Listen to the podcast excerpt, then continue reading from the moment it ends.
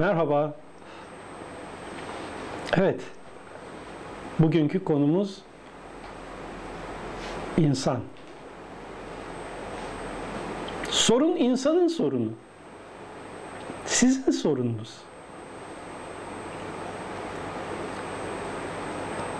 Arkadaşınızın veya eşinizin aldığı ilaç sizi ne kadar tedavi eder? Ya da çok yakınınızın yediği bal size ne kadar tesir eder?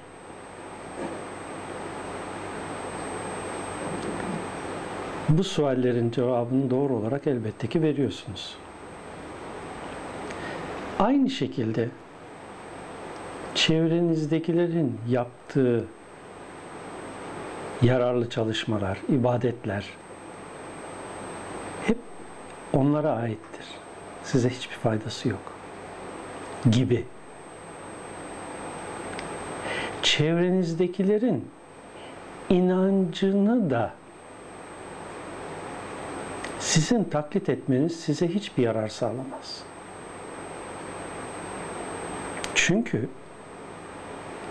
inançtan amaç inandığını uygulayarak uyguladığının yararlarını elde etmektir. Eğer biz bilinçli olarak bir şeyi anlamadıysak, nedenini, niçinini, nasılını fark etmediysek, yaptığımızın ne kadarının bize yararlı olacağını da bilemeyiz. Kısacası iman bilgisi iman değildir. Din iman esasına dayalı olarak gelmiştir. Niçin? Çünkü aklın her şeyi kavrayabilmesi mümkün değildir. Akıl beş duyuyla algıladıklarını değerlendirerek belli yorumlarda bulunur. Oysa beş duyunun algılayamadığı şeyler hadsiz hesapsız. İnsan şu anda dünya üzerinde yaşıyor. Beş duyuyla. Esasında beş duyunun çok ötesinde duyularımız var da farkında değiliz. Bunları kullanıyoruz da. Ama öyle bir şey olduğunun da farkında değiliz. Son bilimsel araştırmalar insanda 33 tane du- duyu olduğunu söyledi. Ne kadar bilmem. Ama epeyce fazla. Şimdi biz nereye kadar akılla gideceğiz? Nereden itibaren imanı değerlendireceğiz? Akılla gidebileceğimiz son noktaya kadar akılla gideceğiz. Her şeyi sorgulayacağız. Ne, neden, niçin, nasıl? Çünkü din konusu insanın birebir kendi konusudur. İnsan dünyaya yalnız gelmiştir ve bu dünyadan yalnız gidecektir. Öyle bir yalnız gidecek ki gittiği ortamın şartlarına dünyada elde ettikleriyle adaptasyon sağlayabilecektir. Ölüm ötesi yaşam hemen pek çok insanın konusu. Çeşitli dinsel inanışlar hep ölüm ötesi yaşam gerçeğine dayanıyor. Ama dinsel inanışlar dedim. Yani din kelimesini biz sanki birisinin bize şunları şunları şunları yaparsan şöyle olur, bunları bunları yapmazsan böyle olur gibi bir konuymuş gibi nakletmesiyle değerlendiriliyor. Oysa din Allah'ın yaratmış olduğu sistem ve düzenin adıdır.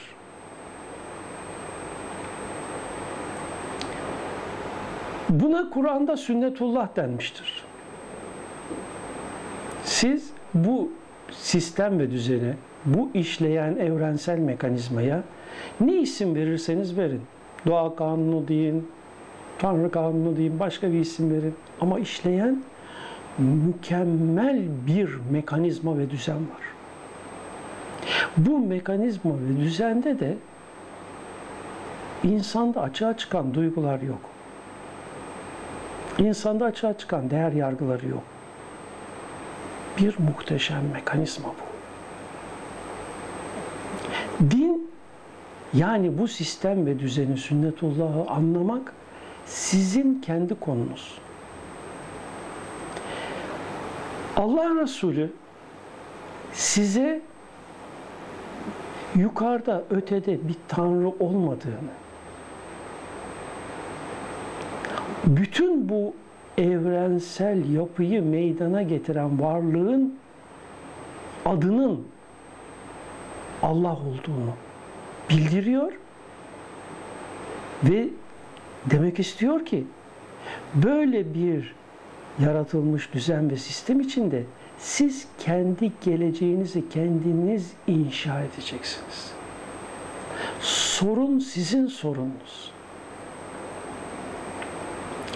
Dışarıda bir tanrıya hesap verecek değilsiniz. Anlatımların birçoğu hep semboller ve misallerdir. O semboller ve misalleri birebir almış olan insanlar olayın özünden uzak kalmışlar ve emir komuta zincirine dayanan bir din anlayışı yaymışlardır. Halbuki olay çok basit. Din çok kolay bir konu. Nasıl bir konu? Gayet basit.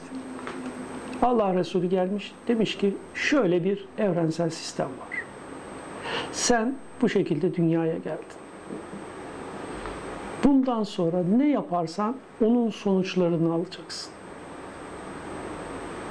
Seni alıp bir yere sokacak ne bir tanrı var ne de seni, sana kızıp seni bir ateşe atacak tanrı var. Allah seni yaratırken, var ederken kendi özellikleriyle, kendi güzellikleriyle, kendi sıfat ve esmasıyla seni var ederken sana kendindeki bütün kuvveleri bahşetmiş. Sen onları hakkıyla kullanıp değerlendirerek geleceğini cennete de dönüştürebilirsin. Geleceğin cehennemde olabilir. Zaten bugün dahi cehennemi bir şekilde çoğumuz zaman zaman yaşamıyor muyuz? Çoğumuz zaman zaman cennetin güzelliklerini hissetmiyor muyuz? Yaşamıyor muyuz? Hep bütün bunlar bizden açığa çıkanların sonucu. İnsan için kendi elleriyle yaptıklarının sonuçlarından başka bir şey mevzu bahis değildir diyor Kur'an. Siz eğer bütün bu varlığı var edeni kendi özünüzde, kendi içinizde, kendi hakikatınızda bulamazsanız beşeriyetin ve bedenselliğin cehenneminde kendinizi helak edersiniz. Sizin yaptıklarınızı kabul edip etmemesi söz konusu olan biri yok dışarıda. Bu suyu içtiğiniz zaman nasıl vücudunuzda otomatik sonuçları işliyorsa aynı şekilde yaptığınız her çalışma, tuttuğunuz oruç, eda ettiğiniz namaz, diğer yaptığınız yararlı çalışmalar hepsi de otomatik olarak yapılma kalitesine, kapasitesine, değerine göre sizde tesirini halk ediyor. Dışarıda kabul edip etmeyecek biri yok. Sen şöyle yaptın da sen bu kabul olmadı. Bu böyle yaparsan bu kabul olmaz. Ya kabul edecek etmeyecek biri yok. Niye bu işi zorlaştırıyoruz? Allah Resulü kolaylaştırın, zorlaştırmayın. Sevdirin, nefret ettirmeyin diyor. Biz insanları yargılamak için dünyaya gelmedik. Başkalarının ne yapıp yapmadığı bizim sorumluluğumuzda değil. Bize düşen onlara hakkı tavsiye etmek, doğruyu tavsiye etmek o kadar. Allah Resulüne dahi sen onlara tebliğ et, onlar üzerinde zorlayıcı değilsin. Uyarısı gelmişken Allah Resulü kimseyi hiçbir konuda zorlamamışken bizim haddimize mi başkalarını bir şey yapmak, zorlamak? Düşünün ki la ikraha din deniyor. Burada incelik noktası fid din. Yani dini sistemi kabul eden birinin artık sen bir şey yapma zorlayamazsın. Çünkü zorladığın zaman o zaten o zorlamayla yaptığı için münafık durumuna düşer. Riya yapmış olur. Halbuki temel olay ihlastır, hulustur, samimiyettir, açıklıktır. Kişinin kendi inandığını yapmasıdır. Bu sebepten dolayı da dinde zorlama yoktur. Zorlama olamaz. Allah sizin kalbinize bakar diyor. Bu ne demektir? Yani düşünceleriniz, şuurunuz, niyetinizdir önemli olan. Şekliniz, görünüşünüz değil. Kişi kendini benzettiği kavimdendir sözünün anlamı giyimi, kıyafeti, sakalı, bıyığı değildir. Kişinin düşünce yapısı hangi topluluğun düşünce yapısına benziyorsa kişi o toplumun düşüncelerini paylaşmış biri olarak o toplumun bir ferdi sayılır demektir bu sözün anlamı. Yoksa efendim sen o toplumun giydiği gömleği giyiyorsun, ötekinin giydiği elbiseyi giyiyorsun, ötekinin giydiği ayakkabıyı, çizmeyi giyiyorsun. Öyleyse sen oradansın. Yok sakalın şöyledir, yok bıyığın böyledir, yok başörtün şöyledir gibi. Olay değil, dinin konusu bunlar değil. Şimdi iyice bir düşünün lütfen objektif olarak. Allah Resulü putperest Kureyş kabilesinin içinde dünyaya gelmedi mi? O zaman insanlar o putlara tapmıyorlar mıydı? Allah Resulü Hz. Muhammed Mustafa o devirde onların arasında doğup büyümedi mi? Peki onların arasında doğup büyümüş biri olarak onlar gibi giyinmedi mi? Onlar gibi sakal bırakmadı mı? Ebu Cehil'in, Ebu Leheb'in de sakalları yok muydu aynı şekilde? Onlar gibi sarık sarmadı mı? Onlar gibi oturup kalkmadı mı? Onlardan ne farkı vardı? Resul olduktan sonra La ilahe illallah gerçeğini insanlara vurguladıktan sonra Tanrı ve Tanrılık kavramı yoktur dedikten sonra acaba kılığını, kıyafetini, şeklini değiştirdi mi? Yoksa içinde bulunduğu toplumun örf ve adetlerine saygılı olarak aynı şekilde giyimine, kuşamına, şekline devam etti mi? Onlar putperesttir. Onlar cahil kavimdir diyerek tamamen farklı bir giyim tarzına, tamamen farklı bir sakal tarzına, tamamen farklı bir sarık şekline mi döndü?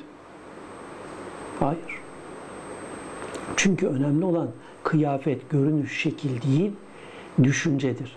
Ve burada bize ibret olması gereken sünnet kişinin aynen Allah Resulü gibi içinde bulunduğu toplumun örf ve adetine saygılı olarak yaşamasıdır. Eğer o insanlar çıplak dolaşıyorsa elbette ki çıplak dolaşacak değilsiniz. Hemen ifrada gitmenin anlamı yok. Ama o insanlar gömlek pantolon giyiyorsa siz de gömlek pantolon giyin. Ne olacak yani? Ama Arabistan'a da gittiyseniz oradakiler elbise giyiyorsa siz de elbise giyin. Kuzeye gittiyseniz oradakiler gibi kürk giyin. Bunlar önemli değil. Bunlar kuru kavramlar, boş şekiller. Olayın aslı kişinin inanmasıdır. İnandığını yaşayabilmesidir. Kişinin ölüm ötesi yaşam gerçeğine kendini hazırlamasıdır. Çünkü bu dünya yaşadığımız bu olaylardan ibaret değil.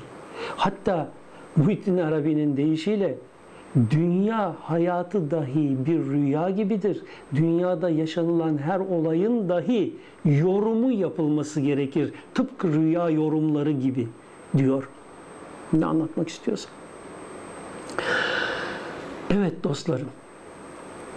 İslamiyet çok kolay bir şey.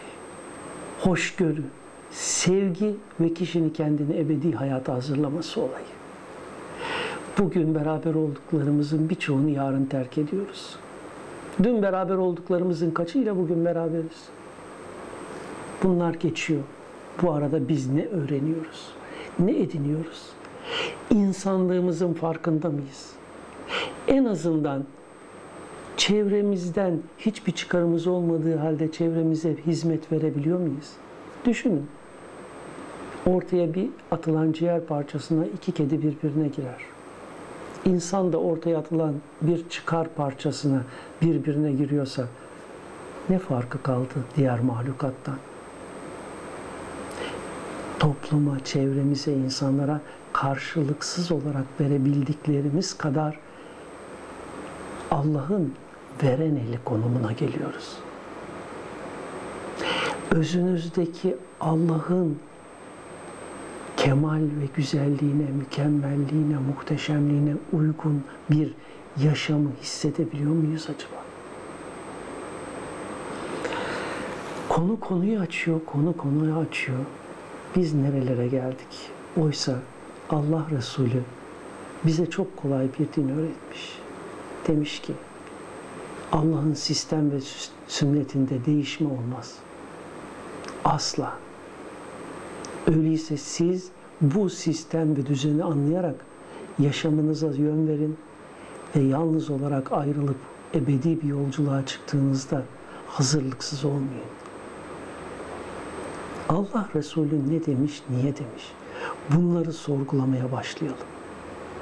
Çünkü bundan yüzyıllar öncesinin anlayışıyla değerlendirilen Allah Resulü'nün ifadeleri günümüzde çok farklı anlamlar ifade ediyor bizlere.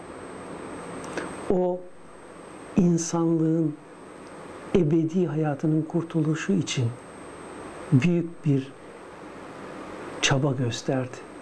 Gerçekleri onlara anlatmaya çalıştı. Biz de bu gerçekleri sorgulayalım. Dün size ezberletilenler, öğretilenlerle kayıtlı kalmayın. Din konusunu, Allah Resulü'nün neler dediğini yeni baştan sorgulayıp anlamaya çalışın. Göreceksiniz ki önünüzde yepyeni ufuklar açılacak. Allah Resulü kıyamete kadar gelecek bütün insan topluluklarına hitap etmiştir. Bu demektir ki onların o devirdeki anlayışlarına hitap eder bir biçimde sözlerini ifade etmiştir. O zaman içinde bulunduğumuz devre uygun bir biçimde, içinde bulunduğumuz devrin verilerine uygun bir biçimde onun dediklerini yeni baştan anlayıp değerlendirmeye çalışalım. Evde ibadet diye mevlid okutmayalım. Ama Resulullah'ın mevlidi olsun günümüz. Onun yeni baştan doğuşunu kutlayalım. Onu yeni baştan anlamaya çalışarak. Bakın göreceksiniz ki çok güzel, sevecen, hoşgörülü bir ifade tarzı var Resulullah'ta ve o size sadece ve sadece geleceğiniz çok daha güzel olsun diye yönelmiş. Anlatmak istediklerini anlatmış. İnşallah Allah Resulü'nü daha iyi tanımak ve anlamak üzere sohbetlerimize devam etmek mümkün olsun. Şimdilik hoşça kalın efendim.